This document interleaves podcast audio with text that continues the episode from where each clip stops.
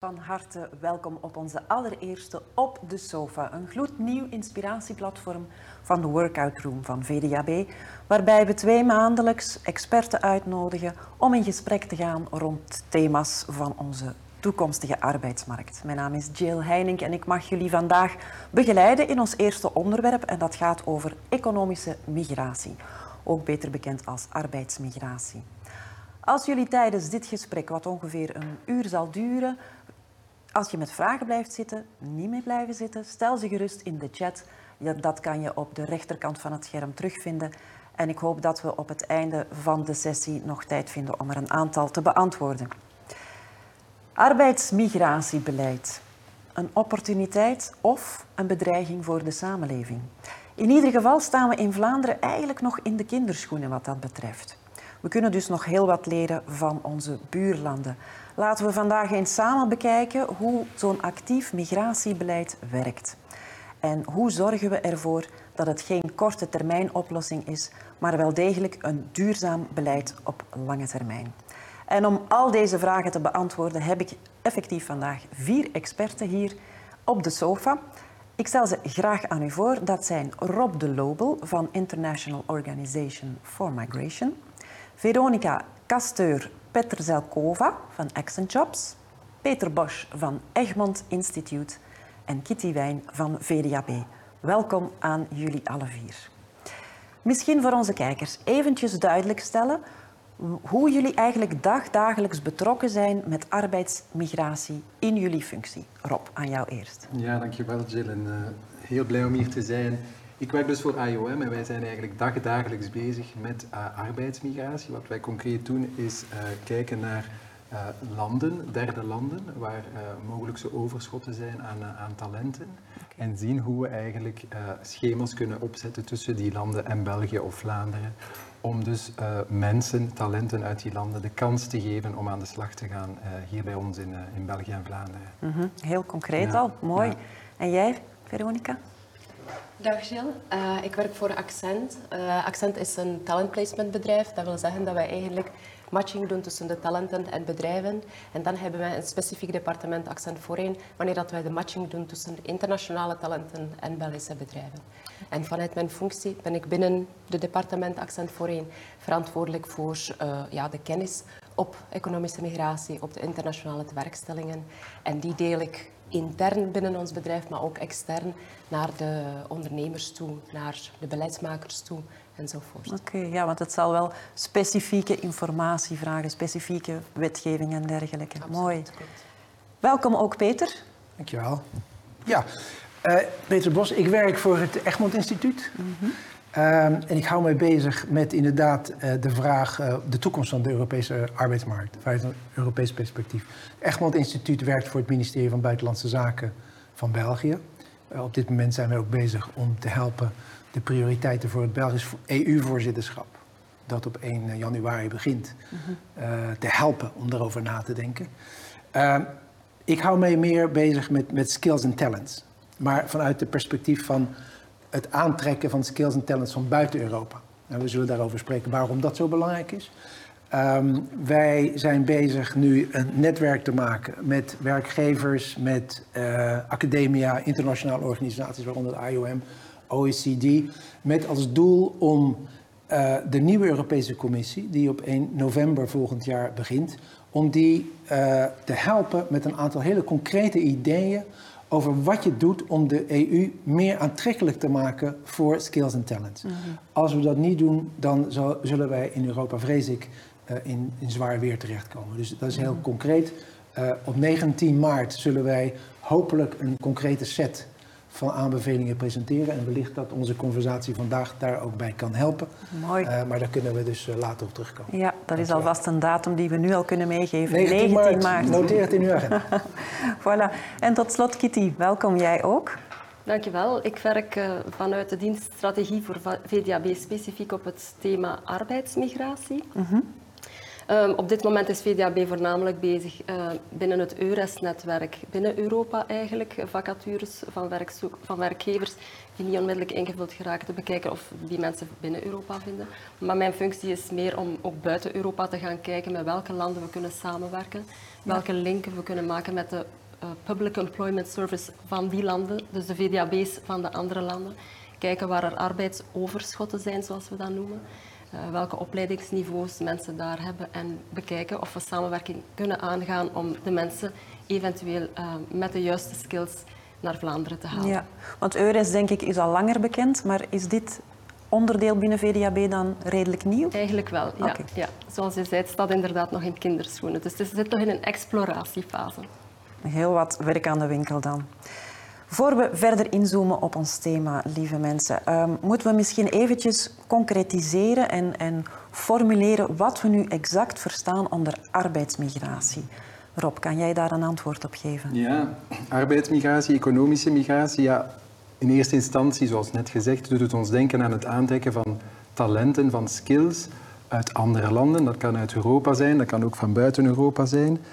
Maar het is natuurlijk niet zo eenvoudig als dat. Hè. Het is niet zo eenvoudig als te zeggen, we hebben een aantal vacatures en uh, we gaan een aantal mensen gaan halen uh, ergens anders. De eerste vraag is, is er daar inderdaad een overschot in die derde landen? Maar de tweede vraag is natuurlijk ook van, hè, wat zin het voor die derde landen? Hè? Uh, waarom zouden die aan zo'n mobiliteit meedoen? Hè? Ja. De discussie van de brain drain komt dan altijd bovendrijven van, ja, ga je daar niet de beste mensen gaan weghalen? Eh, en wat zijn dan de gevolgen, de mogelijke onevenwichten op de arbeidsmarkt ginder? Ja. Dus ik denk dat dat ook mee in het ganse verhaal van arbeidsmigratie moet opgenomen worden. Mhm. En dat we eigenlijk in de opzet hè, en de doelstellingen die we hebben om mensen te gaan binnenhalen, eigenlijk ook aandacht moeten besteden aan hoe gaan we ook een tegenvoorstel doen voor dat land van oorsprong? Zie je? Hoe gaan we die daarbij betrekken? Hè? Hoe gaan we eigenlijk ervoor zorgen dat zij er ook wel iets in zien? En dat kan dan, er zijn allerlei opties natuurlijk, dus dat, uh, die schema's gaan dan uh, bijna op maat van die derde landen deels opgesteld worden. Of, dat is toch wat ik zou voorstellen. Ja. Um, ja, de vraag stelt zich dan ook van wie zijn die talenten? Hè? dat is een moeilijke vraag soms om te beantwoorden, omdat het vaak gaat over verre landen die we niet zo goed kennen enzovoort. Mm -hmm. Dus het in kaart brengen van die talenten, die arbeidsmarkten, de skills dat die mensen daar hebben, is belangrijk. Mm.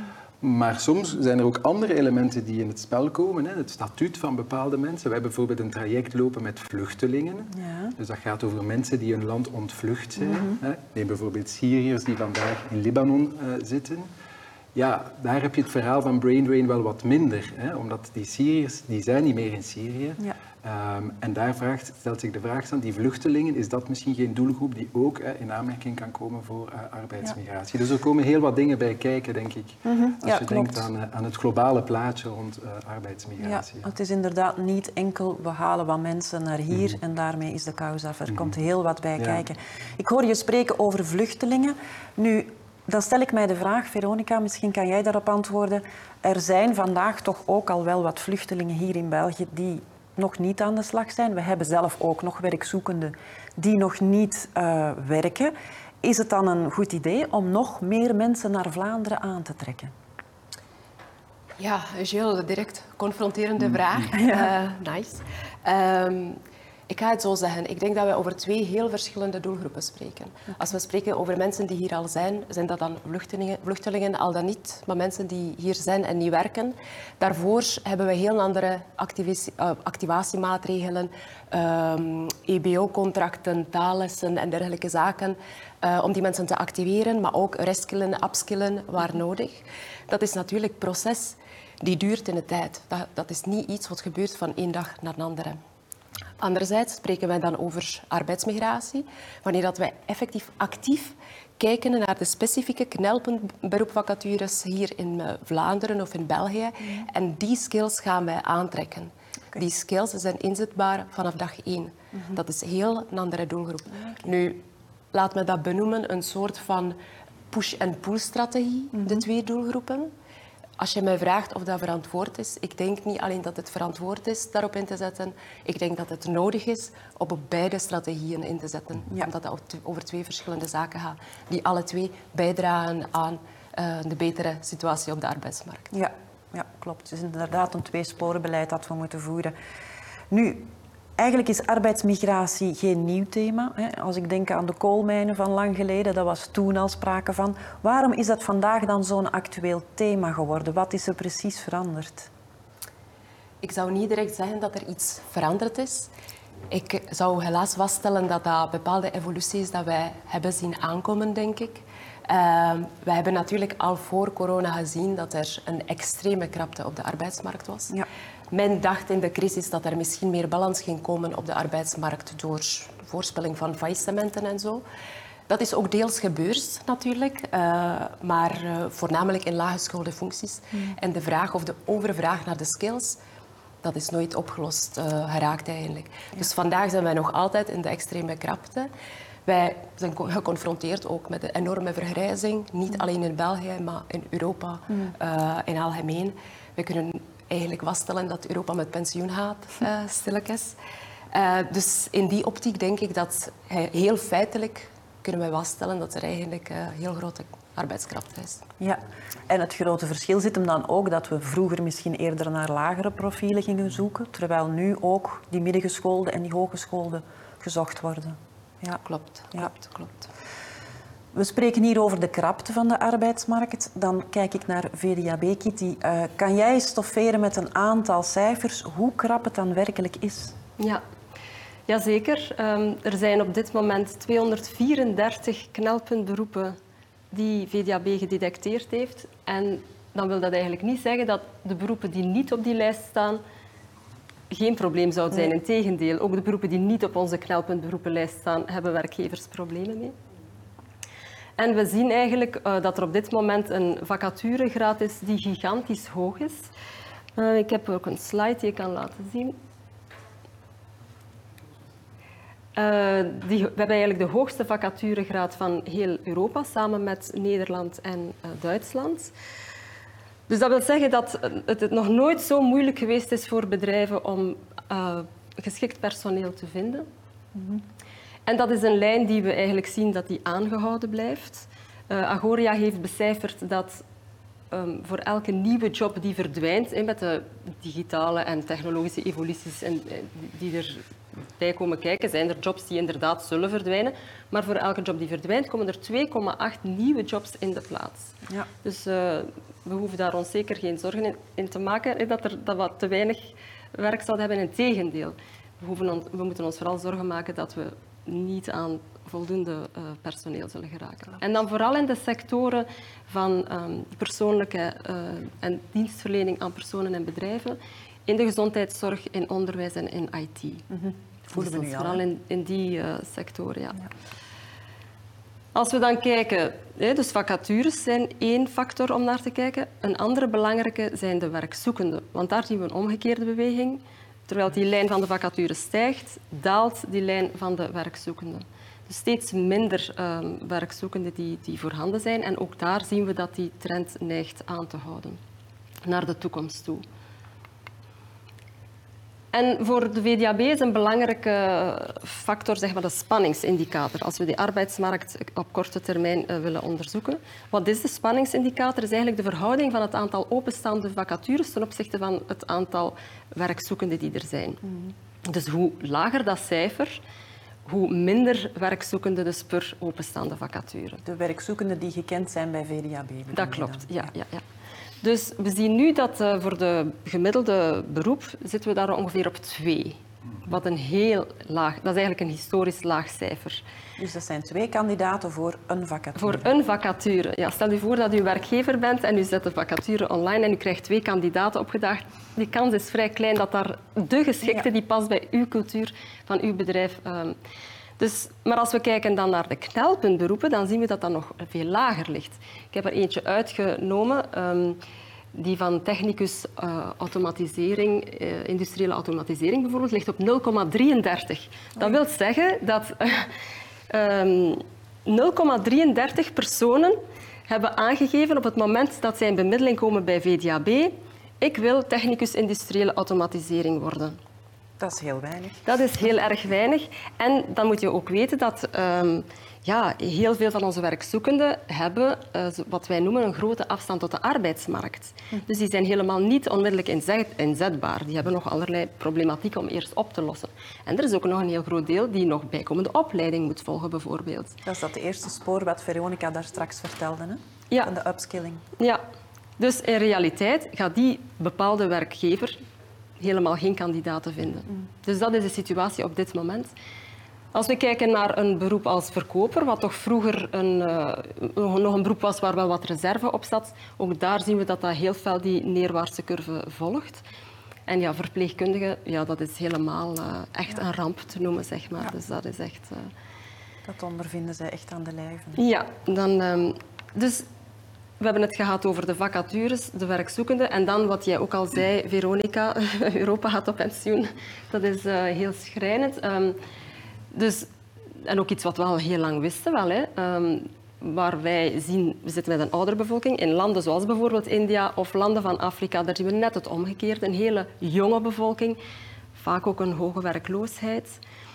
Dus heel concreet, voor Vlaanderen zien we voor elke 100 mensen die op pensioen zullen gaan, zullen er straks maar 81 zijn die die arbeidsmarkt instromen. Dus ja, dan hoef je geen moeilijke rekensom te maken om tot de slotsom te komen dat, dat we echt wel uh, een probleem hebben. Ja.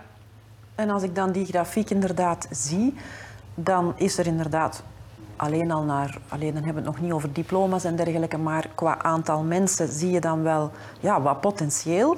Leg dat naast onze krappe arbeidsmarkt en dan is ja, de redenering van arbeidsmigratie snel gemaakt. Ja, inderdaad. En dat mensen, bedrijven doen dat ook gewoon nu al zo. Uh, bedrijven zoeken gewoon ook buiten de grenzen naar geschikt uh, uh, arbeidspotentieel. De vraag is nu natuurlijk, hè, als overheid zijn we daar eigenlijk nog maar heel weinig mee bezig, toch zeker buiten Europa. En de vraag is, moeten we daar actiever op inzetten om die paden te effenen, zeg maar, om die juiste skills ook van buiten Europa aan te trekken? Ja. Ja, dat is inderdaad een goede vraag. Um, want het kan natuurlijk een oplossing, of een, een voordeel zijn voor mensen uit andere contraien. Hè. Zij krijgen kansen, zij kunnen misschien de levensstandaard verbeteren of wat dan ook, welke reden ze ook hebben om, om die stap te zetten. Voor ons zou het ja, onze vacatures kunnen invullen, maar Veronica, is het echt de oplossing voor onze arbeidsmarkt? Hoe zie jij dat? Ik zou niet vaststellen dat, dat het de oplossing is. Ik zou vaststellen dat het een oplossing is of een, een deel van de oplossing. Uh, Zoals dat wij in het begin hebben gezegd, zijn er al andere groepen op de arbeidsmarkt die moeten geactiveerd worden, uh, hun skills moeten geupgrade worden. En de internationale recrutering of de economische migratie, dat zit in de package. Hè. Dat is een van de oplossingen voor de krapte op de arbeidsmarkt. Um, ik denk ook in mijn ogen dat het uh, heel erg win-win situatie kan zijn. Um, de, stel je voor, arbeidsmigrant die aankomt in België, die gaat eigenlijk onmiddellijk onder de Belgische wetgeving vallen en gaat ook onmiddellijk afdragen aan het belastingssysteem in België. Hij gaat ook onmiddellijk vanaf dag 1, uur 1 aan de sociale zekerheid bijdragen. Mm -hmm. Laat ons zeggen, die betaalt eigenlijk voor onze oma's en opa's uh, hun pensioen. Ja. Uh, terwijl die zelf hier eigenlijk nog niet alle rechten en plichten heeft. Mm. Um, dus in die optiek uh, denk ik dat wij ons de vraag eigenlijk niet meer zozeer moeten stellen. Hoort dat bij de package? Ik denk ja. het wel en dat er is eigenlijk heel veel om te winnen. Ja. Deel jij die mening, Rob? Ja, ik deel dat wel en ik denk ook dat het niet het een of het ander hoeft te zijn. Hè. Dus ik denk dat als je het gewoon zeer praktisch bekijkt en je kijkt naar, ja, ik ben een bedrijf, ja, ik heb een vacature. Oké, ik wil gerust kijken naar die twee kandidaten waar Kitty het daarnet over had. Maar waarom hè, zou ik niet open zijn om ook kandidaten van elders aan die groep toe te voegen? Hè? Stel dat ik dat kan opkrikken naar tien kandidaten, hè, met een aantal mensen uit India, een aantal mensen uit Afrika, Latijns-Amerika, ik weet het niet. Ja, dan heb ik uiteraard meer keuze. Hè? En dan kan ik zelf die beslissing wel nemen over welk de meest geschikte kandidaat is uit die ganse groep. Dus het is niet zo dat je dan hè, helemaal je afhankelijk moet maken van arbeidsmigratie. Ik denk dat het gewoon inderdaad de mensen die hier zijn, hoe gaan we die upskillen, hoe gaan we daar verder mee om, hoe geven we die kansen op de arbeidsmarkt. Maar hè, uh, om de groep ook wat groter te maken, uh, kan die arbeidsmigratie natuurlijk wel een, een, een, een bijdrage leveren. Ja. In het begin had ik uh, meegegeven dat wij hier in Vlaanderen eigenlijk nog in de kinderschoenen staan wat dat betreft. Hoe aantrekkelijk zijn wij als land, als Vlaanderen? Ja, dat is een goede vraag. Ik denk, um, ik denk dat dat soms, en, en dat is voor ons uh, ook eigenlijk uh, in de pilootprojecten die wij opgezet hebben, een opvallend gegeven geweest. Dat we ja, talenten hadden geïdentificeerd, dat ja, bedrijven contracten hadden aangeboden, maar dat een, een deel van die talenten die ook geweigerd heeft. Hè. En dus daar, daar kan je dan de vraag stellen, ja, hoe komt dat nu hè, dat die talenten hè, blijkbaar toch niet allemaal staan te springen om uh, meteen naar Vlaanderen te komen? Er zijn natuurlijk tal van uh, redenen voor. Een van de redenen, denk ik, is dat er natuurlijk ook concurrentie is rond die internationale arbeidsmarkt, talenten enzovoort. Je hebt landen die daar veel verder in staan, die daar heel goed in zijn. Hè. Ik denk aan Canada, Australië, Verenigd Koninkrijk enzovoort. Ze doen dat ook al langer. Hè. Ze hebben ook duidelijke strategieën opgezet. Ze zijn aanwezig. Hè. Neem, een land als Senegal, waar we onlangs geweest zijn zijn ze gewoon in het straatbeeld aanwezig. Ze maken bij wijze van spreken publiciteit uh, in de straten van Dakar rond. Kom naar Canada, schrijf je in. We zijn hier aanwezig met hun lokale VDAB, hebben ze daar een kantoor. En dus ze gaan daar veel verder in. En dus ja, heel veel van die uh, talenten zien dat ook natuurlijk en zeggen van ja, in Canada hè, lijkt het toch allemaal wat vlotter te gaan. Hè. Ja, er zijn misschien wat minder regeltjes, wat minder stapjes. Mm -hmm de taalproblematiek speelt heel veel. Hè. En dan in het bijzonder in Vlaanderen hè, kan, kan een obstakel zijn, ook, van de kant van het talent natuurlijk. Ja, want ik hoorde je een aantal landen opsommen en dan denk ik van daar zitten we wel met een taalprobleem inderdaad. Hè? Ja, het taalprobleem, probleem, het een probleem ja, moet zijn. Het is een obstakel, hè, um, maar het is ook niet onoverkomelijk, denk ik. En je ziet ook andere landen die daar sterker mee bezig zijn. Ik neem bijvoorbeeld Duitsland, hè, waar je ook inderdaad een, een taalprobleem hebt, hè, maar waar, waar, waar, wel oplossingen voor gezocht worden. En daar stelt zich dan de vraag, hè, zoals je zei Kitty, als overheid, als uh, groep van stakeholders hier in Vlaanderen, uh, moeten we daar niet stilaan ook eens gaan naar kijken? Moeten we daar geen werk gaan van maken? Moeten we niet op een bepaalde manier hè, die taalkursus, die Nederlandse les gaan aanbieden? Hè? Misschien zelfs voor vertrek, hè, voor mensen die echt zeggen, eh, ik wil ervoor gaan, ik wil mijn best doen, ik ga mij inschrijven in die taalles. En om dan als volgende stap toegang te krijgen tot die arbeidsmarkt. Dus ja, vanuit dat perspectief zijn we niet altijd bij de meest aantrekkelijke. Je ziet dat ook uh, statistisch, hè? dus daar zijn studies rond. Um, en dus daar stelt zich dan ook de vraag van, ja, wat zijn dan de volgende stappen om ons model, hè, qua administratie, qua procedures, maar ook ons, ons land uh, of onze regio uh, aantrekkelijker, aantrekkelijker en zichtbaarder te maken internationaal. Peter, ik zag jou stevig knikken. Wat is jouw mening hierover, over de arbeidsmigratie en de oplossing voor die arbeidsmarkt? Ja, ik denk dat heel veel gezegd is. Ik denk dat we uh, enorm moeten investeren in, in de connecties met derde landen. Uh, dat is absoluut het voorbeeld van wat Rob net geeft. Als je ziet wat Duitsland op dit moment doet, het is een erkenning van de huidige Duitse regering dat Duitsland een immigratieland is dat de Duitse economie heel veel mensen nodig heeft. Mm -hmm. uh, hetzelfde voor Canada. Uh, onlangs is besloten dat ze in de komende twee jaar 500.000 mensen willen aantrekken in bepaalde sectoren. Dat is een duidelijk statement. Ja. Uh, het is heel erg noodzakelijk dat de Europese Unie en de lidstaten wakker worden. Want dit niet voor niets heet onze sessie The eh, War on Talent. Mm -hmm. Er is een war on talent gaande. Mm -hmm. uh, en we kunnen heel goed spreken over ethical recruitment. Ja, we niet, moeten samenwerken met derde landen, ook naar hun arbeidsmarktsituatie kijken. Maar op dit moment is er een erkenning in heel veel landen uh, dat hun economie gewoon mensen nodig heeft. Ja. En als we dat niet doen, ja, dan, dan wordt het gewoon heel erg lastig. En kan je dat heel concreet maken van wat Duitsland dan beter doet dan uh, in de eerste, ik wil niet zeggen beter, maar Duitsland weet heel goed in welke sectoren ze wat nodig hebben. In de eerste plaats. Uh, zij hebben hun ambassades geactiveerd om reaching out naar bepaalde landen te gaan. Ze hebben een hele duidelijke strategie van welke landen zijn voor Duitsland belangrijk. Mm -hmm. uh, de taal die Rob noemt, heel belangrijk. Zij hebben het Goethe-instituut ingeschakeld om in die landen Duitse les te geven. Uh, dus het is, het is, kijk, dat zijn gewoon hele concrete, vanuit de erkenning hm. dat die economie dat nodig heeft, worden gewoon concrete maatregelen genomen. En, en, en dat is de, de manier waarop we moeten nadenken. Ook vanuit, vanuit het Vlaamse perspectief, het Belgische perspectief. Kitty, jij wil... Ik ben in het voorjaar op bezoek geweest in Duitsland om te zien hoe ze het daar effectief ja. doen. Uh, zij werken met 220 mensen op de dienst van arbeidsmigratie alleen al. Dus dat is eigenlijk een fabriekje op zich, zeg maar. Uh, ze hebben een callcenter met 30, 40 mensen waar ze individuele vragen van mensen, derde landers die in Duitsland willen komen werken, eh, individueel verder helpen. Dus dan heb je die documenten nodig, moet je nu naar daar sturen. Die worden echt met het handje genomen om echt de weg vrij te maken zeg maar, eh, naar Duitsland. Ook bedrijven, een bedrijf belt naar, naar hen. Ah, wij hebben tien verpleegkundigen nodig, wij hebben vijftien onderhoudstechniekers nodig, zeg maar wat. Uh, dus dat is een heel uh, ja, uitgebouwd uh, systeem ja. in Duitsland. Ik hoor zeggen, hè, er wordt heel erg op ingezet, maar ook vanuit jouw instituut dan misschien, hè, um, is het noodzakelijk dat we echt die studie gaan doen van wat hebben we exact nodig. Daar staan andere landen ook verder in, heb ik begrepen. Ja, ik denk dat, ik denk dat een aantal lidstaten probeert dat te doen. Mm.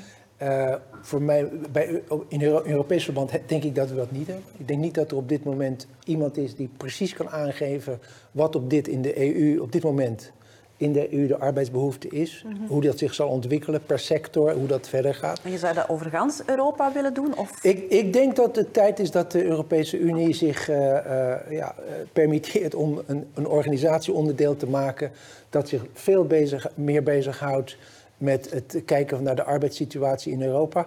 Uh, daar zou je het Amerikaanse model voor kunnen gebruiken. Die hebben een departement die de hele dag niets anders doet dan te kijken naar de arbeidsmarkt. Uh, in welke sectoren zijn under strain. Uh, dat koppelen aan je visumbeleid. ik denk dat het.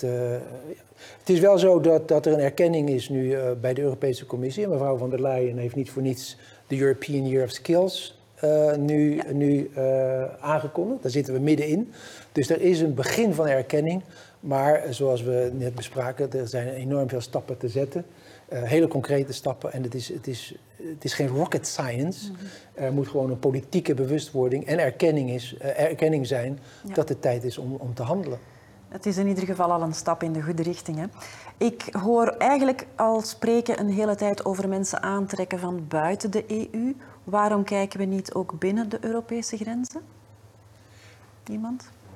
Ja, zeg maar. We, we, kijken binnen de Europese grenzen. Okay. Uh, zeker, er is vrij verkeer van werknemers binnen de Europese Unie. Het is overigens zo dat bij de vervulling van vacatures in eerste instantie moet gekeken worden naar onderdanen van de EU. Mm -hmm. uh, maar zoals, dat bleek niet uit de, uit de, de statistieken, maar Europa gaat met pensioen. Het is niet alleen een Vlaams probleem, het is across the board. Ja. alle, alle lidstaten worden met hetzelfde fenomeen van demografische veroudering geconfronteerd.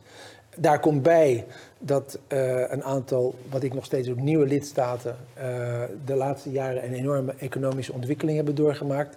Uh, en die veel, veel mensen kunnen gewoon in hun land aan de slag. Mm -hmm. Dus de markt, de Europese arbeidsmarkt binnen Europa is heel krap. Ja. En, en, en het, het, de, de, het potentieel binnen Europa is enorm afgenomen en zal veel, veel meer afnemen in de komende jaren. Ja, dus zoals ik daarnet zei, we hebben dus een knelpuntberoepenlijst van 234 in Vlaanderen.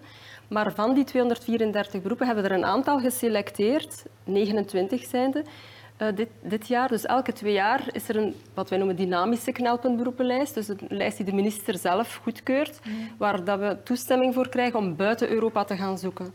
Okay. En die 29 beroepen die staan op die lijst, omdat reeds is afgetoetst met andere landen van Europa, dat we ze ook in Europa niet meer zullen vinden. Dus dat is al ook weer een stap in de goede richting, ja. dat we een klare kijk krijgen over hoe zit de situatie er vandaag uit. Hè? Ja.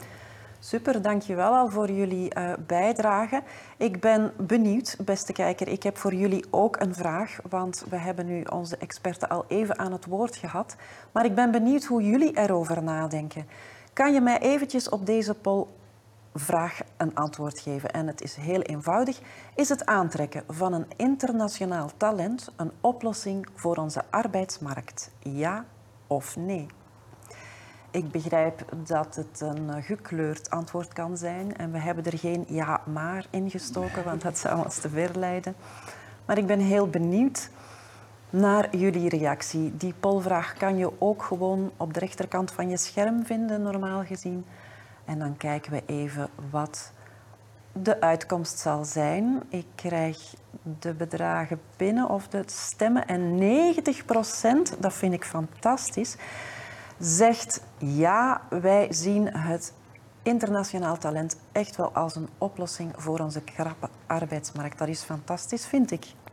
Dat is Absoluut, ja. toch wel een teken dat eh, de doorsnee Vlaming toch wel mee is met het idee. Maar laten we eens gaan kijken hoe jullie organisaties op dit vlak het verschil proberen te maken. Peter, in een notendop misschien het Egmond Instituut in het kader van internationaal recruteren. Hoe maken jullie het verschil? Ja. Eh, het, het verschil maken is misschien wat sterk eh, gezegd. Nee, bij Egmond eh, erkennen we het probleem, het onderwerp. Zoals gezegd, de nieuwe commissie begint op 1 november. Wij zijn op dit moment gestart met een project Attracting Skills and Talents from Abroad. Eh, en wij hebben een, een netwerk gemaakt van werkgevers, academia, internationale organisaties, waar we over dit thema spreken, met alle verschillende aspecten die ook nu eh, aan, aan bod komen. Uh, en ons idee is uh, om op 19 maart een hele concrete set met aanbevelingen te presenteren hier in Brussel. waar de nieuwe Europese Commissie, maar ook de lidstaten, het bedrijfsleven mee aan de slag zou kunnen gaan om de nieuwe Europese Commissie, die op 1 november begint, om die een paar handvaten te geven van oké, okay, als jullie het probleem ook erkennen, als jullie de politieke wil hebben, hier heb je een aantal hele concrete suggesties over hoe we dat zouden kunnen doen. Mm -hmm. Egmond is ook uh, betrokken bij een aantal uh, projecten, maar daar zal Kitty wat later over spreken. Projecten die samen, in samenwerking met VDAB, ik ben gelijk benieuwd, vertel me ja, meteen. Samenwerking met VDAB en ook met Enable, onze Belgische ontwikkelingssamenwerkingsdienst bijvoorbeeld. De, zij, hebben, zij trekken eigenlijk het project TAM, waar VDAB ook partner in is. TAM is een project gesubsidieerd door de EU, dat zich voornamelijk met um, met Marokko en Tunesië uh, ja, dus, uh, uh, behandeld. Wat hebben we, dus normaal gezien gaan we kijken in landen waar er arbeidsoverschotten zijn. Dat zou een strategie kunnen zijn, hè, om te kijken waar hebben ze mensen met de juiste skills of overschot die we kunnen aantrekken. Maar een andere strategie is ook, en daar heeft, is het TAM-project dan voornamelijk op geschoold, um, welke um, tekorten hebben ze ook in Marokko? die wij ook hebben. En dan hebben ze een aantal beroepen geïdentificeerd. En ze hebben werkzoekenden van Marokko en Tunesië opgeleid om tot dat bepaald beroep. Met de bedoel, bedoeling om een aantal mensen daar uh, aan de slag te laten gaan en een aantal mensen naar Vlaanderen te laten komen. Okay. Dus dat is ook een manier van een win-win uh, ja. te creëren. sporen tegelijk ja, ja. werken. Veronica, hoe zetten jullie voornamelijk daarop in? Ik ga misschien direct oppikken op het TAM-project, omdat wij ook uh, betrokken zijn bij de werkstellingen vanuit Marokko. Ik moet zeggen dat er uh, heel goed werk gedaan is geweest door de collega's van WDAB, dus uh, ik ben ook wel heel erg voorstander van, van zo'n goede samenwerking. Um, maar ja, wij, wij, nemen daar eigenlijk onze rol op dat gelijk is aan de rol dat wij hebben voor alle Belgische ondernemers. Mm. Wij zijn namelijk recruiters, dus in eerste instantie wat wij doen is matching. In het kader van dit project is de matching gebeurd wel door de collega's van WDAB. Nu, bij matching stopt het niet. We hebben in allerlei projecten, we hebben ook uh, met Rob met IOM bijvoorbeeld een project gedaan, uh, Match, vorig jaar. Uh, hiring African talents, denk ik, is de one-liner. Um, maar wat wij doen dagelijks voor onze klanten, voor onze bedrijven in België, in het kader van internationaal recruteren, is in eerste instantie de match vinden. Maar dan is een hele proces aangekoppeld tot de succesvolle tewerkstelling te, te, te komen. Het, het, match is één, maar dan moet er uh, uh, pre-departure begeleiding komen voor uh, de talent daar. Die moet weten, ga ik een huisvesting hebben in België? Iets wat, by the way, compleet bottleneck is in België, huisvesting. Ja. Uh, iets wat je moet op voorhand voorzien. Dat is een ondeelbaar aspect van economische migratie. Je kan mm. niemand brengen naar België zonder dat je die kan nee, huisvesten. Uh, maar er zijn zoveel zaken. Hoe ga ik me verplaatsen naar werk? Die persoon moet weten hoeveel ga ik verdienen, maar wat is ook mijn cost of living? Uh. Wat zijn de gewoontes in België enzovoort. Um, best case scenario ook inzetten bijvoorbeeld op taalkursussen, pre-departure al. Je hebt ook de relocatie, dus de effectieve verplaatsing van de persoon, die je hier dan ontvangt, verwelkomt. De eerste uh, schooldag, de eerste werkdag die je meemaakt met die mensen. De, de tewerkstelling die je opvolgt en ondersteunt uh, voor de talenten. En de ondernemers, de, de bedrijven natuurlijk. Jullie... En de integratie van de mensen, waar dan ze zelf misschien de touwtjes in handen gaan nemen en verder kunnen in België. Jullie lopen bijvoorbeeld zo de eerste werkdag mee? Ja, ja, ja. ja absoluut. En ook absoluut. naar die integratie is, ondersteunen ja. jullie nog verder? En al die stappen dat ik had genoemd, uh, zijn in mijn ogen noodzakelijk om de, dat volledig verhaal succes te maken. Ja. Absoluut. Ja. Er was een project dat jullie samen hebben gedaan. Rob, wat doen jullie nog daarbuiten? Ja, we hebben eigenlijk in de afgelopen jaren ehm, een aantal van die pilootprojecten gedaan. Dus dat ging dan eh, economische migratie. Eh, we hebben er nu eentje lopen voor vluchtelingen. Dus dat is misschien minder economische migratie. Dat is op dat, de scheidingslijn met ook een, een, een nieuwe toekomst te kunnen bieden aan vluchtelingen die ergens eh, vastzitten. Maar wat wij als IOM doen, en we hebben de, de luxe van eigenlijk in zo goed als elk land ter wereld een kantoor te hebben, is inderdaad via onze collega's in eh, bepaalde derde landen die discussie op gang te krijgen, ook met het land van oorsprong. Hè. Is Ja. er aan jullie kant een interesse om eh, talenten te laten doorvloeien naar bijvoorbeeld de Belgische of Europese arbeidsmarkt? Eh, daar is vaak een interesse, maar er staan ook vaak eh, vraagtekens bij. Hè. Dus het is eigenlijk wat dat wij vaak doen, is inderdaad die dialoog opzetten met de verschillende stakeholders. Dat is de publieke sector, de VDAB's aan beide kanten. Maar ook met de sectoren, met de private sector. Hè? Want uiteindelijk wil je dat die koppeling ook gemaakt wordt hè, eh, met de collega's zoals Veronica en anderen, met de, de, de, bedrijven zelf. Hè? Je, je wilt het natuurlijk doen vanuit een standpunt van er is een nood, hè? zien we dat als een oplossing, hè? een mogelijkse oplossing. Indien ja, hè, dan gaan we eh, eh, gaan kijken hoe we in een bredere context zo'n schema kunnen opzetten. Nu, wij hebben al wat ervaring met hè, verschillende modaliteiten. Want hè, als we denken arbeidsmigratie, dan denken we heel vaak inrichtingsverkeer. Hè. Talenten gaan halen, we brengen ze naar hier hè, en we, we- we leiden ze toe naar de arbeidsmarkt. We hebben andere schema's ook uitgeprobeerd. Hè. Schema's waarin je bijvoorbeeld ook talenten laat terugvloeien. Hè. Waar bijvoorbeeld een, een derde overheid zegt... Ja, we hebben bijvoorbeeld een tekort in bepaalde specialisaties. Ik zeg maar iets in de zorg. Zie je. Ehm, wij, we hebben die opleidingen hier niet, hè, we hebben die mensen hier niet en dus we lijden daaronder, onder het feit dat we daar niet sterk in zijn. Kunnen we hè, binnen zo'n schema afspraken maken rond een versterking van onze scholen bijvoorbeeld? Hè? Of kunnen we hè, stagiairs hè, uitsturen naar België die dan in de Belgische context een beetje ervaring gaan opdoen Ja. met betrekking tot die specialisatie? om dan te kunnen terugvloeien naar het land van oorsprong. Zie je? En dat kan dan samengaan met permanente migratie voor de Belgische. Dus je, zit eigenlijk, je hebt eigenlijk tal van mogelijkheden in zo'n schema. Kitty sprak daar straks in TAM over hè, het opleidingstraject in het land van oorsprong. Dat te versterken, dat ook uit te breiden naar bredere groepen binnen de bevolking. En slechts een subgroep te laten, te laten migreren. Dus dat zijn allemaal dingen ehm, die we voor een stuk in de laatste jaren hebben uitgeprobeerd. En ik denk samengevat wat dat wij proberen doen, is zo'n schema van een derde land naar België van A tot Z Ja. op te zetten, maar in volle transparantie, Ja. op een volledig legale manier, georganiseerde manier enzovoort. Dus, En voor elk land zal het een andere en voor elk land zijn. kan het een andere formule zijn. Dat kan Ja. zelfs per sector een andere formule zijn, eh, afhankelijk van wat de noden zijn. Ja. Er zijn dan toch al heel wat hè, handvaten die er gereikt worden aan bedrijven. Ehm, zijn er nog tips die jullie kunnen geven als een bedrijf nu zegt van ja, ik wil starten met arbeidsmigratie. Wat kan je dan aanreiken? Misschien bij jou terug, Veronica. Ehm, ik ga misschien nog eventjes terugkomen uh, wat ik zei en dat het over het proces gaat, niet enkel over matching van de skills met, Ja. uh, met de vacature, maar over het proces. Ik had dat proces al een beetje beschreven en ik wil gewoon meegeven dat ik dit absolute noodzaak vind bij uh, die soort van tewerkstellingen. Dat er echt wel die ondersteuning moet, zowel aan de kant van ondernemer als aan de kant van talent, komen. Dat is dus noodzaak in mijn ogen. Wat ik ook denk, denk dat superbelangrijk is, is engagement binnen de bedrijven. Mm. Wij zien soms dat... Uh, uh, dat wij bijvoorbeeld de, de management van een bedrijf mee hebben, die zeer openstaan voor internationale recrutering.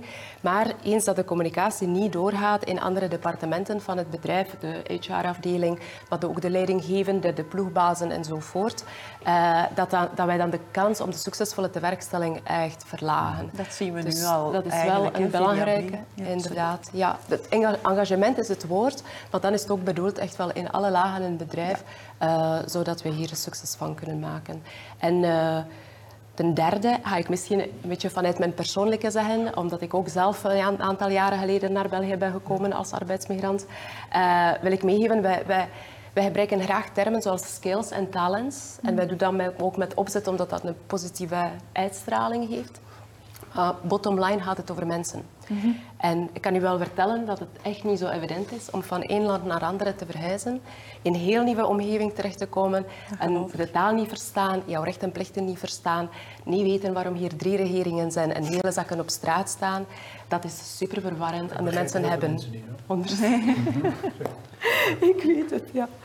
Uh, maar ik wil maar zeggen dat uh, ja, het bedrijf, de ondernemers, de houvast worden voor de talents in de eerste periode. Heeft het bedrijf niet de capaciteit of, of uh, ja, niet genoeg ervaring, doe maar beroep op iemand. Mm. er zijn zowel collega's van WDAB als werkgeversorganisaties, sectororganisaties, EITSEN die gespecialiseerd is in internationale recrutering. Er zijn manieren hoe op, voor hulp vragen om dat proces succesvol te maken. Dus dat is iets waar een bedrijf volgens jou echt op moet inzetten, op dat onthaal. Dat is een do. Heb je nog do's of don'ts als je ermee wilt starten als bedrijf?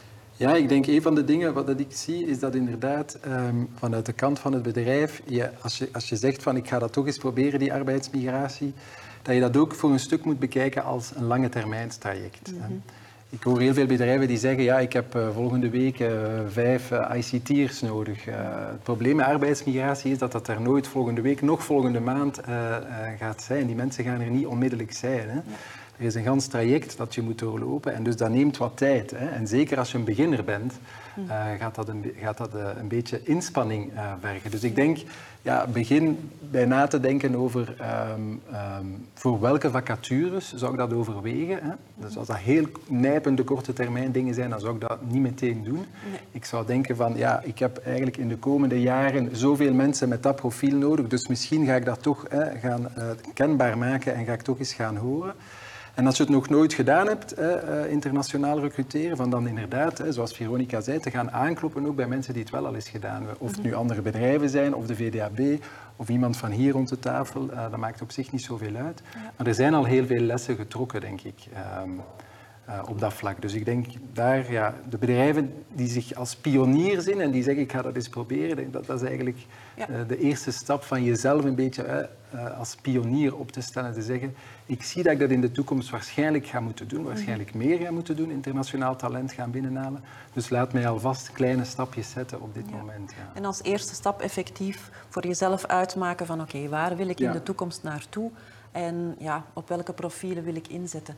Heb jij nog uh, concrete stappen dat een bedrijf zou kunnen zetten? Uh, ik heb geen bedrijf, maar ik zou wel uh, willen, willen, willen opmerken dat de Europese Commissie nu met een goed initiatief is begonnen. Mm -hmm. de Talent Pool. we hebben op dit moment, althans de Commissie heeft gelanceerd, een, een pilot talent pool voor Oekraïne. Okay. dat betekent dat mensen hun cv in een database kunnen zetten. En dat er werkgevers die geïnteresseerd zijn in bepaalde profielen in die database kunnen gaan om te kijken wat het aanbod is. Uh, en de arbeidsparticipatie van de mensen die Oekraïne ontvlucht zijn en in de EU zitten, die arbeidsparticipatie is in hele korte tijd enorm hoog. Uh, dus die pilot is denk ik een groot succes. Ja. De Europese Commissie is van plan om dat uh, niet alleen voor Oekraïne te doen, maar global.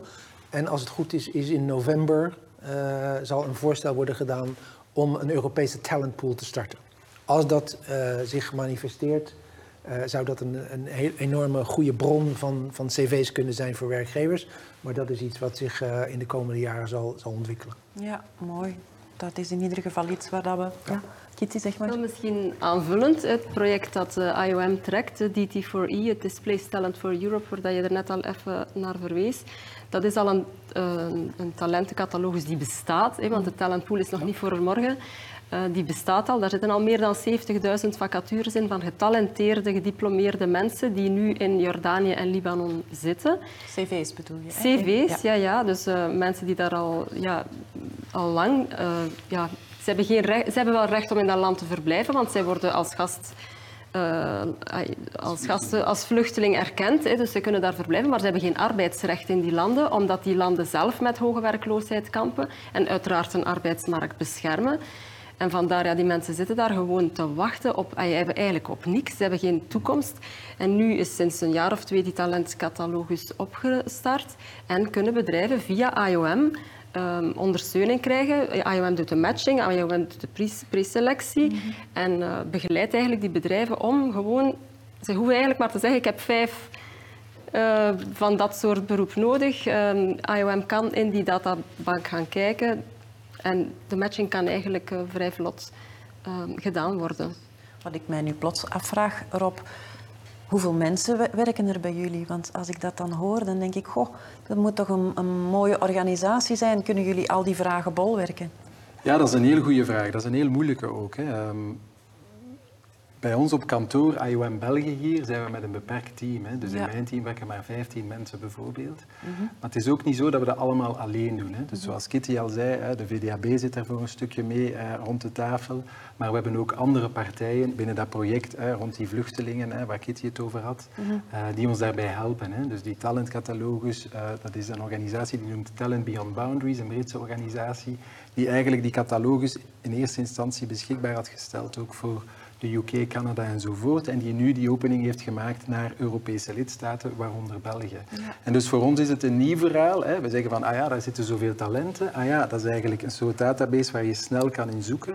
Eh, kunnen we die cv's naar boven brengen en mee op de tafel leggen eh, waar er vacatures zijn hier, eh, hier in België en Vlaanderen. En dus dat doen we nu meer en meer en we proberen dat te organiseren zodanig dat we daar ook efficiënt mee omgaan. Hè. Ja. Als je nu de zorg neemt, eh, dan gaan we volgend jaar eigenlijk een klas van 20 verpleegkundigen laten overkomen in één beweging eigenlijk. Om te vermijden dat we één per één voor elke werkgever hier en daar hè, wat veel meer energie en tijd zou vergen dan als klas. eh, Ja, eh, uit één bepaald land dan. ja, dus het gaat over inderdaad mensen met een vluchtelingenstatuut die nu in Libanon zitten. Ehm, en dus ehm, die, dat, dat traject loopt en het idee is van dat zo, zoveel mogelijk ook efficiënt in te richten, zodanig dat je inderdaad ook eh, de kosten, hè, maar ook eh, het, aantal eh, staf dat je nodig hebt om het allemaal gebolwerkt te krijgen, onder controle kunt houden. Ja. Oké, prima. Ik ga nog eventjes naar jullie eh, terugkomen, beste kijker. Om nog eventjes een polvraag ertussen te gooien. We hebben al vernomen dat jullie echt wel het internationaal recruteren als een oplossing zien. Maar ben jij ook bereid om daar nu morgen mee aan de slag te gaan? En als je dat zou doen, wat zijn de, eh, de struikelblokken waar je misschien tegenaan kan lopen? Dat kan je in de chat vertellen, maar doe dat bondig. Hè? Want ik probeer het allemaal te kunnen volgen hier op het scherm. Eh, als je zegt van ja, ik wil wel starten, maar ik heb toch nog wel wat angst om ermee te starten, want ja, het struikelblok is dit waar ik tegenaan loop. Ja, Rob, wil jij iets zeggen? Ja, ik zie een vraag verschijnen rond eh, wat dan met de gezinnen van die talenten. Eh, dus dat is een hele goede vraag. Hè? Want daar zit je natuurlijk dan, als je zegt van... Een van onze principes is bijvoorbeeld dat je eigenlijk het core gezin hè, eh, toegang dan geeft tot, eh, tot, tot, tot het land, hè, maar uiteindelijk ook liefst ook tot de arbeidsmarkt. Ehm, dus dat is deel van die, van die opzet. Hè. Als je met dat derde land hè, die afspraken gaat maken, eh, ga je daar afspraken rond maken van hoe ver dat je daarin kan gaan. Hè. Eh, als uitgangspunt vinden wij dat inderdaad die gezinnen, die core-gezinnen, samen met het talent zouden moeten kunnen overkomen. In de praktijk is dat altijd nog te bezien. Hè? Want stel nu dat je een talent bent hè, en dat je een job gevonden hebt, maar dat het eh, eh, instappen in die job vergt dat je bijvoorbeeld een bijscholing volgt. Hè? Stel je diploma is niet volledig erkend en je moet een aantal vakken opnieuw gaan doen. Ja, dan is dat natuurlijk wel e- een extra klus. Hè? Eh, Stel dat je job ook vergt dat je bijvoorbeeld Nederlands leert. Ja, dan zit je daar met een bijscholing, maar ook nog een taalkursus naast. Hè. En mogelijk dan hè, een, een job die al van start gaat, deeltijd, halftijd enzovoort. Dus het is wel een uitdaging vaak ook voor die talenten om al hè, die, die, die, die, die, die, die stapjes af te vinken. Eh, als je dan nog eens komt met een gezin, hè, en stel dat er kinderen bij zijn en zo, dan hè, wordt het nog eh, moeilijker om dat in die eerste maanden allemaal te bolwerken. Dus wat we dan in de praktijk wel zien, is dat er inderdaad, wij gaan in dialoog met die talenten en we gaan samen kijken van wat is nu eigenlijk het beste scenario, zie je. Is het misschien beter hè, dat je eerst zes maanden alleen komt, dat je hè, een aantal praktische zaken regelt, zoals huisvesting, zoals uh, je inschrijven voor de taallessen enzovoort. En dat je gezin pas achteraf uh, overkomt. Zie je? Dus ik denk dat daar wel een, een zekere openheid en dat je dat ook vanuit een praktische kant moet uh, bekijken. Maar dat daar wel het principe inderdaad is, en dat is ook het duursta, duurzaamste denk ik, dat je de gezinsleden ook die kans geeft om, om mee te komen. Ja belangrijk inderdaad, mm. dat gezin uh, nog betrekken. We gaan zo dadelijk misschien nog wel een vraag eruit halen, maar ondertussen hebben we het al heel de tijd gehad over het ondersteunen van die bedrijven. Maar laten we samen eens kijken naar mensen die effectief de overstap maken. My name is Hassan My name is Yasin I'm here to start working as a nurse with NHS. To start a new life, which is something that was a bit hard where I come from.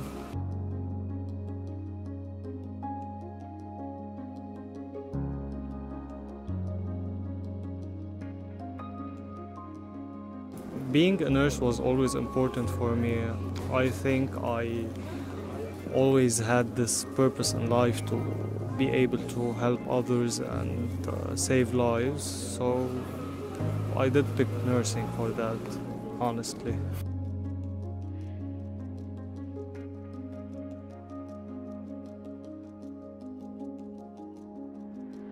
Very excited and very uh, wishful, full of wishful thinking.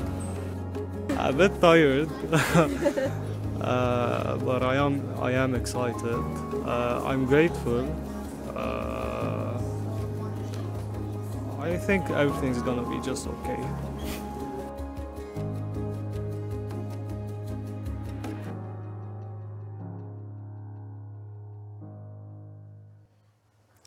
Wat mij opvalt is de hoop in hun ogen bij deze gasten, maar toch ook wel een klein beetje angst nog, want je merkt wel dat zo'n switch maken best wel een, uh, ja, heel wat vraagt. Dat hebben we ook van Veronica gehoord. We hebben nog een vraag binnengekregen en die mogen jullie beantwoorden zo dadelijk, mijn lieve panelleden. Arbeidsmigranten dragen bij aan onze samenleving, ja, maar ze zijn er ook deel van. Hè. Ze, ze vragen ook natuurlijk bepaalde kosten. Is dat dan geen nuloperatie? Wie wil daar een antwoord op geven? Ja, Veronica. Ik ga misschien omdat ik ook daarop uh, ben ingegaan eigenlijk in die zin. Um, in mijn ogen gaan we door arbeidsmigranten hier te laten komen de actieve beroepspopulatie verbreden. Mhm. Dat wil zeggen dat er een grotere draagvlak is voor de maatschappelijke noden. Om dat heel generalistisch uit te drukken, als ik dan niet ga naar de pensioenen van onze oma's en opa's. Maar dan denk ik uh, dat hoe meer mensen participeren actief aan maatschappij, hoe meer draagvlak hebben wij voor de rest van de maatschappij dat wij hebben. Kindjes, ouderen. Ja. Uh, dus in die zin is dat in mijn ogen geen nuloperatie. Nee.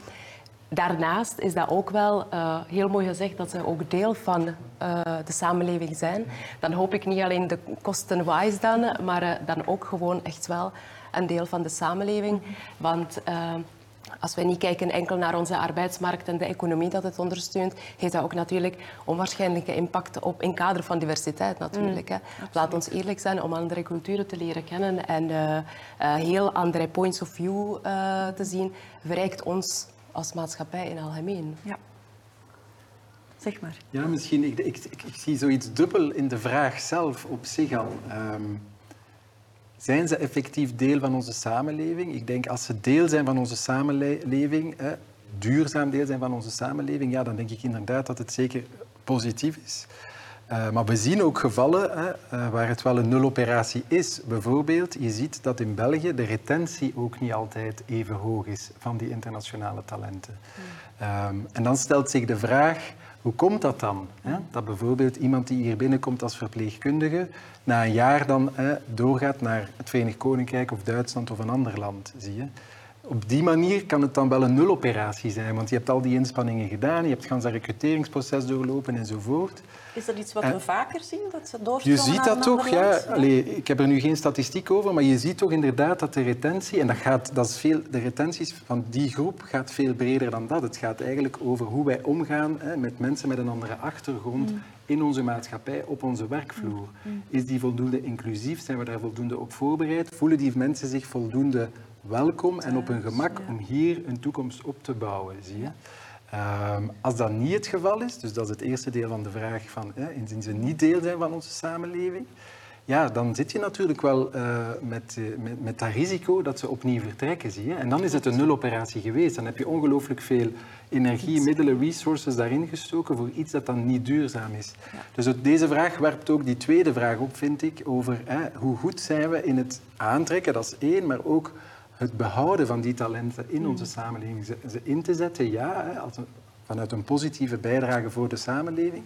Maar uh, het is dus in mijn ogen ook niet alleen een vraag voor de talenten en hoe zij zich aanpassen, maar ook een vraag voor onszelf van hoe gaan wij daarmee om? Hè? Ja. En zijn we daarop voorbereid? En wat zouden dan de dingen zijn die we zouden moeten doen in die voorbereiding? Zie je? Dus dat is een belangrijke, denk ik. Ja, ja. Dat is eigenlijk ook iets wat we daar straks al hebben gezegd. Hoe aantrekkelijk zijn mm. we? Hè? Niet alleen om die overstap te maken, maar dus ook om te blijven. Kan jij daar nog iets op aanvullen, Peter? Hoe aantrekkelijk zijn we? Ja, ik, ik, moet, ik moet denken, wat ik, uh, vooral de Amerikaanse ervaringen. De Amerikanen zijn natuurlijk uh, reaching out all over the world. Ja. En een van de dingen, dat is ook gekoppeld aan de, aan de gezinnen. Um, zij zijn heel erg actief, ook als het gaat over studenten bijvoorbeeld. Mm -hmm. Amerika ontvangt veel studenten van buiten Amerika. En het valt mij op dat goede studenten, niet Amerikanen, uh, voordat ze Amerika verlaten, krijgen een arbeidsaanbod. Mm -hmm de, de arbeids, de, de, de, Amerikanen hebben het zo geregeld dat de talenten die in Amerika zijn, die misschien vertrekken, krijgen een arbeidsaanbod. -hmm. Ook onderzoekers die in Amerika aan de universiteiten willen werken, krijgen een spouse hire program. Dat betekent dat als ze een onderzoeker willen aantrekken, de, de partner en het gezin, dat voor de partner wordt ook naar een baan gezocht. Uh, terwijl in België, begrijp ik, is de discussie dat uh, goede onderzoekers Nederlands zouden moeten leren.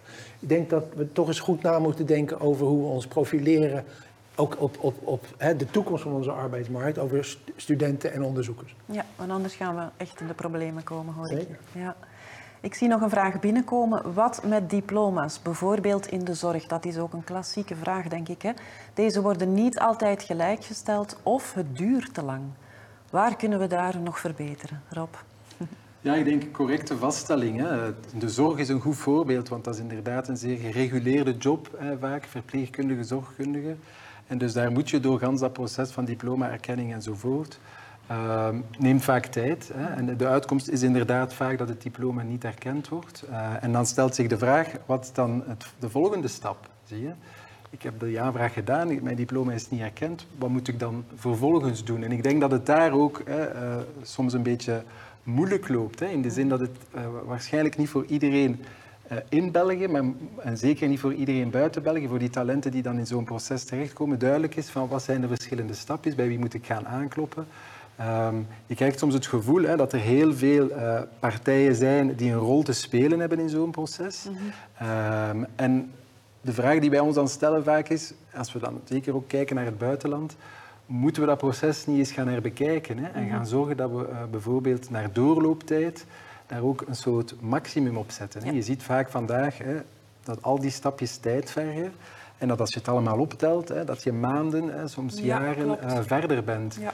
En dat speelt natuurlijk niet uh, positief voor onze aantrekkelijkheid globaal. Hè. Als je weet van oké, okay, ik moet zo lang wachten tegen dat ik effectief een inkomen heb en dat ik effectief in een job zit. Ja, dan uh, zakt de motivatie allicht dan De motivatie zakt, ja. En, en, en de frustratie stijgt vaak ook bij de bedrijven aan onze kant. Hè. Die zeggen van waarom, hoeft het, waarom moet dat allemaal zo lang duren? Zie je? Kunnen ja, we daar niet iets, iets, gaan aan doen? Dus dat zijn eigenlijk interessante discussies, ook vandaag. Hè, omdat het thema van die internationale recrutering, internationale skills uh, meer en meer aan bod komt van hoe gaan we daarmee om, ook als structuur. Onze processen ja. zijn die daarop aangepast enzovoort. En je ziet dat ook andere landen daar stappen zetten hè, naar vereenvoudiging, uh, naar een ge meer gecoördineerde aanpak enzovoort. En dat we daar ook nog een stukje ergens wel uh, achterlopen. Dat is een oproep eigenlijk ja. ook naar de overheid om die zaken aan te pakken. Ja, inderdaad.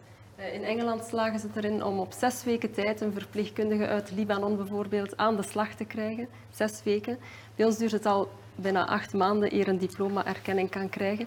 En dan is het nog maar voor een gedeelte van een, uh, van een curriculum. Dan moeten ze nog in België bijkomend een jaar bijkomende lessen volgen om de gaps te, te aan te vullen. Dus um, een groot dat verschil. Is, ja, dat is helaas een uh, pijnlijk verschil zelfs.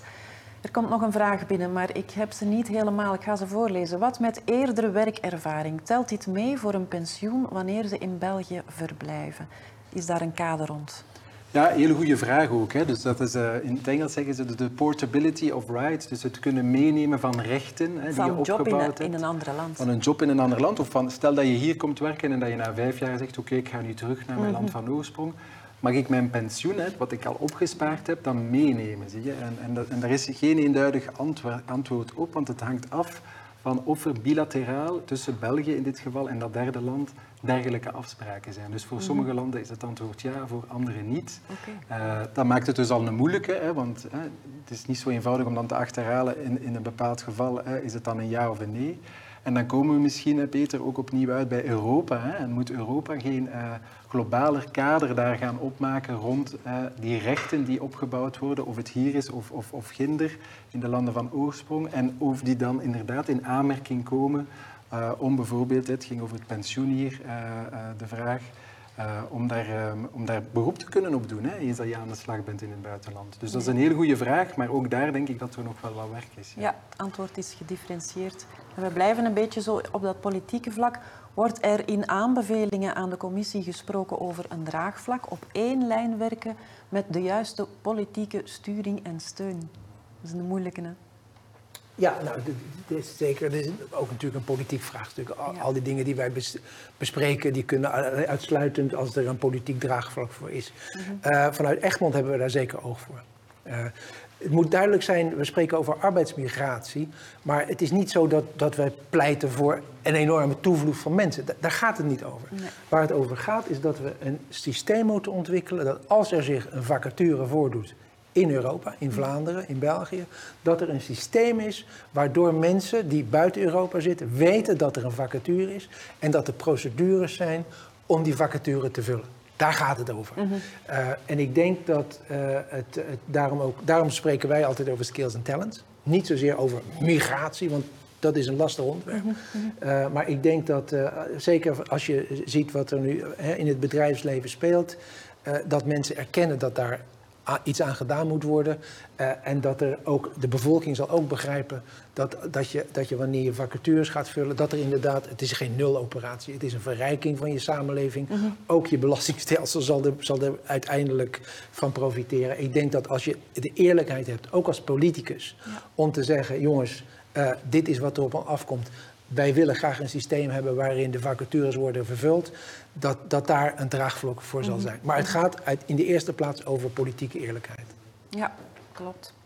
En dan de laatste vraag die ik eh, aan jullie wil stellen. Veronica, je sprak daar straks over een goed onthaalbeleid hè, door, de, door de werkgever of door een coach. Ehm, in Japan blijkt er een systeem te bestaan van gepensioneerde gesprekspartners die helpen als tolk, administratie. Moet het enkel eh, aan het bedrijf eh, die opdracht gegeven worden? Of... Dat denk ik niet per se. Eh, Ik denk eigenlijk op vlak van taalcoaching dat het absoluut niet hoeft. Want er zijn verschillende systemen in België die ook wel deels gesubsidieerd zijn. Eh, dus de werkgever kan beroep doen op eh, bijvoorbeeld de tien eerste uren initiatie, de taal eh, via subsidieerprogramma enzovoort. Er zijn ook wel, zeker en vast via, denk ik, ag- agentschap integratie en inburgering, zo'n soort beter-meterschappen systemen, wanneer dat inderdaad vrijwilligers ook ondersteuning geven op vlak van ehm, ja, de, de Nederlands te oefenen of mee te gaan met iemand en tolken. Dus er zijn zeker mogelijkheden eh, wanneer dat de werkgever daar niet alleen voor staat, Ja. absoluut. Rob, Maar ik zie daarop ook... eh, aan, ja. aanvullen, hè? Ja, dat is een super goede en interessante vraag. Ik denk er zijn ongelooflijk veel. We hebben eens ehm, in kaart gebracht, eh, samen met Actiris, dus de, de VDAB van het Brussels gewest, ehm, hoeveel organisaties er zijn in en rond Brussel die eigenlijk bepaalde diensten aanbieden aan nieuwkomers. Ehm, En er zijn er honderden. Ik denk dat we uit, uitgekomen zijn eh, boven de, de 200. Eh, die allemaal heel, soms heel kleine dingen doen. Hè. Dus het zijn niet allemaal gekende grote organisaties. Maar dus er zijn er heel veel. Die kunnen allemaal een rol spelen, denk ik. uh, in het opvangen van uh, die, die, die extra nieuwkomers. Wat dat wij uh, als een meerwaarde zien en ook vaak doen, is inderdaad de link leggen met de diaspora die hier al zijn. Ja. Dus dat zijn mensen die hier al gevestigd zijn, die hier al ingeburgerd zijn, die al aan de slag zijn op die arbeidsmarkt. Van eenzelfde... Van eenzelfde land van oorsprong. Ja. Dus stel, je laat een Syriër overkomen, je geeft die toegang tot een job. Ja, wie zijn dan de andere Syriërs mm -hmm. in diezelfde regio? Hè? Je kan dat eigenlijk per regio gaan bekijken. Mm -hmm. Als IOM hebben we een database opgesteld van hè, wie zijn de diaspora, uit welke landen, waar zijn die gevestigd, hoe zijn die georganiseerd. Heel veel van die diaspora die zitten in netwerken, die zijn relatief goed gestructureerd. Mm -hmm. uh, en dus eens dat je die toegang hebt tot die mensen, kan je die link gaan leggen. En ik denk voor heel veel praktische dingen, ik denk aan huisvesting, maar ik denk aan hoe werkt dat hier juist om een bankrekening open te doen? Hoe moet ik mij inschrijven bij de gemeente? Allee, er zijn heel veel zo van die praktische dingen waar zo, hè, een gemeenschap ook, hè, die daar al door geweest is een aantal jaren voordien, een rol kan gaan inspelen. Dus dat is misschien ook een interessante, denk ik, om, om mee te nemen in gans dat verhaal. Ja, oké. Okay. We gaan stilletjes aan afronden. Als ik jullie vraag, Kitty, ik ga misschien bij jou beginnen. Hoe zie jij een droomscenario als het gaat over arbeidsmigratie? Je mag kort dromen en pitchen. Wel, um, arbeidsmigratie kan volgens mij alleen maar lukken als we echt voor die quadruple win gaan. Dat zowel het, uh, de arbeidsmarkt van het land in herkomst er wel bij vaart, omdat de werkloosheid daar bijvoorbeeld daalt. Onze eigen samenleving gaat erop vooruit, omdat we aan het geschikte talent uh, geraken. En onze ja, krapte gaan kunnen deels oplossen daarmee. Okay. Uh, de bedrijven die haar, haar vacature ziet uh, ingevuld worden en uiteraard voor het talent zelf dat een mooie uh, carrière, een mooie loopbaan in Vlaanderen kan uitbouwen. Dus ik denk dat we mooi. dat altijd voor ogen moeten houden en dat ethisch kader um, van waar dat de ILO, de International Labour Organization, heeft daar een mooie basis voor. Dus als we ons daaraan kunnen houden, dan denk ik dat we een goede Dat is al heel mooi samengevat. Peter, kan jij er nog iets op aanvullen? Ik heb er niets op aan te vullen. Niets op aan te vullen. Veronica? Ik droom ervan dat, uh, ja, dat wij eigenlijk heel die discussie, de, de vraag, is de arbeidsmigratie nodig? Mm. Is dat de oplossing of is dat een deel van de oplossing? Dat we dat kunnen droppen. We zeggen, yes, we know. Mm. Hè? We hebben het gezien, wij kennen de feiten, het is nodig. En dat wij gewoon weg hier in Vlaanderen of in België ja, beginnen echt wel aan een actieve, actief beleid. Ja. Dat het gewoon mogelijk maakt, uh, vlotter maakt dan, dan op vandaag. Super. Nog iets op aan te vullen, Rob? Ja, ik denk misschien inderdaad hè, een, een beleid uh, dat het eigenlijk een stukje coördineert. Maar ik denk ook dat er wel ruimte is voor meer flexibiliteit en misschien meer eenvoud ook in de processen hè, die van toepassing zijn op arbeidsmigratie. Waarmee ik niet wil zeggen dat er geen processen moeten zijn hè, en dat er geen regels moeten over bestaan. Ik denk dat dat uiteraard heel noodzakelijk is. Maar je ziet vandaag dat ze niet altijd op elkaar afgestemd zijn, dat het geheel niet harmonieus is. En dat je inderdaad, als je het harmonieuzer zou maken, dat je zou kunnen winnen ook bijvoorbeeld naar doorlooptijd. Mm -hmm. Dus ik denk als ik droom van de toekomst, dat we daar een stukje flexibeler, een stukje uh, korter op de bal kunnen spelen en op die manier aantrekkelijker worden. En terzelfde tijd ook eh, werk maken aan onze kant van hoe gaan we daar dan mee om hè, met die uh, internationale talenten? Mm -hmm. Wat zijn de aandachtspunten? Hoe gaan we zorgen dat we hè, voldoende inclusief zijn, zodat die mensen hier inderdaad uh, kunnen instappen, maar ook een verdere duurzame toekomst kunnen, kunnen opbouwen. Ja, voilà. Niet alleen op de werkvloer, maar in mm. onze ganse maatschappij. Dank je wel, alle vier, voor jullie fantastische bijdrage, voor jullie inzichten, kennis en dromen. Heel erg bedankt om tot hier te komen. Ook u kijker heel erg bedankt om erbij te zijn. Wij hopen dat we jullie geïnspireerd hebben met deze eerste op de sofa. En uh, als je graag nog volgende sessies ziet, ga dan eventjes naar de website van VDAB, www.vdab.be slash workoutroom.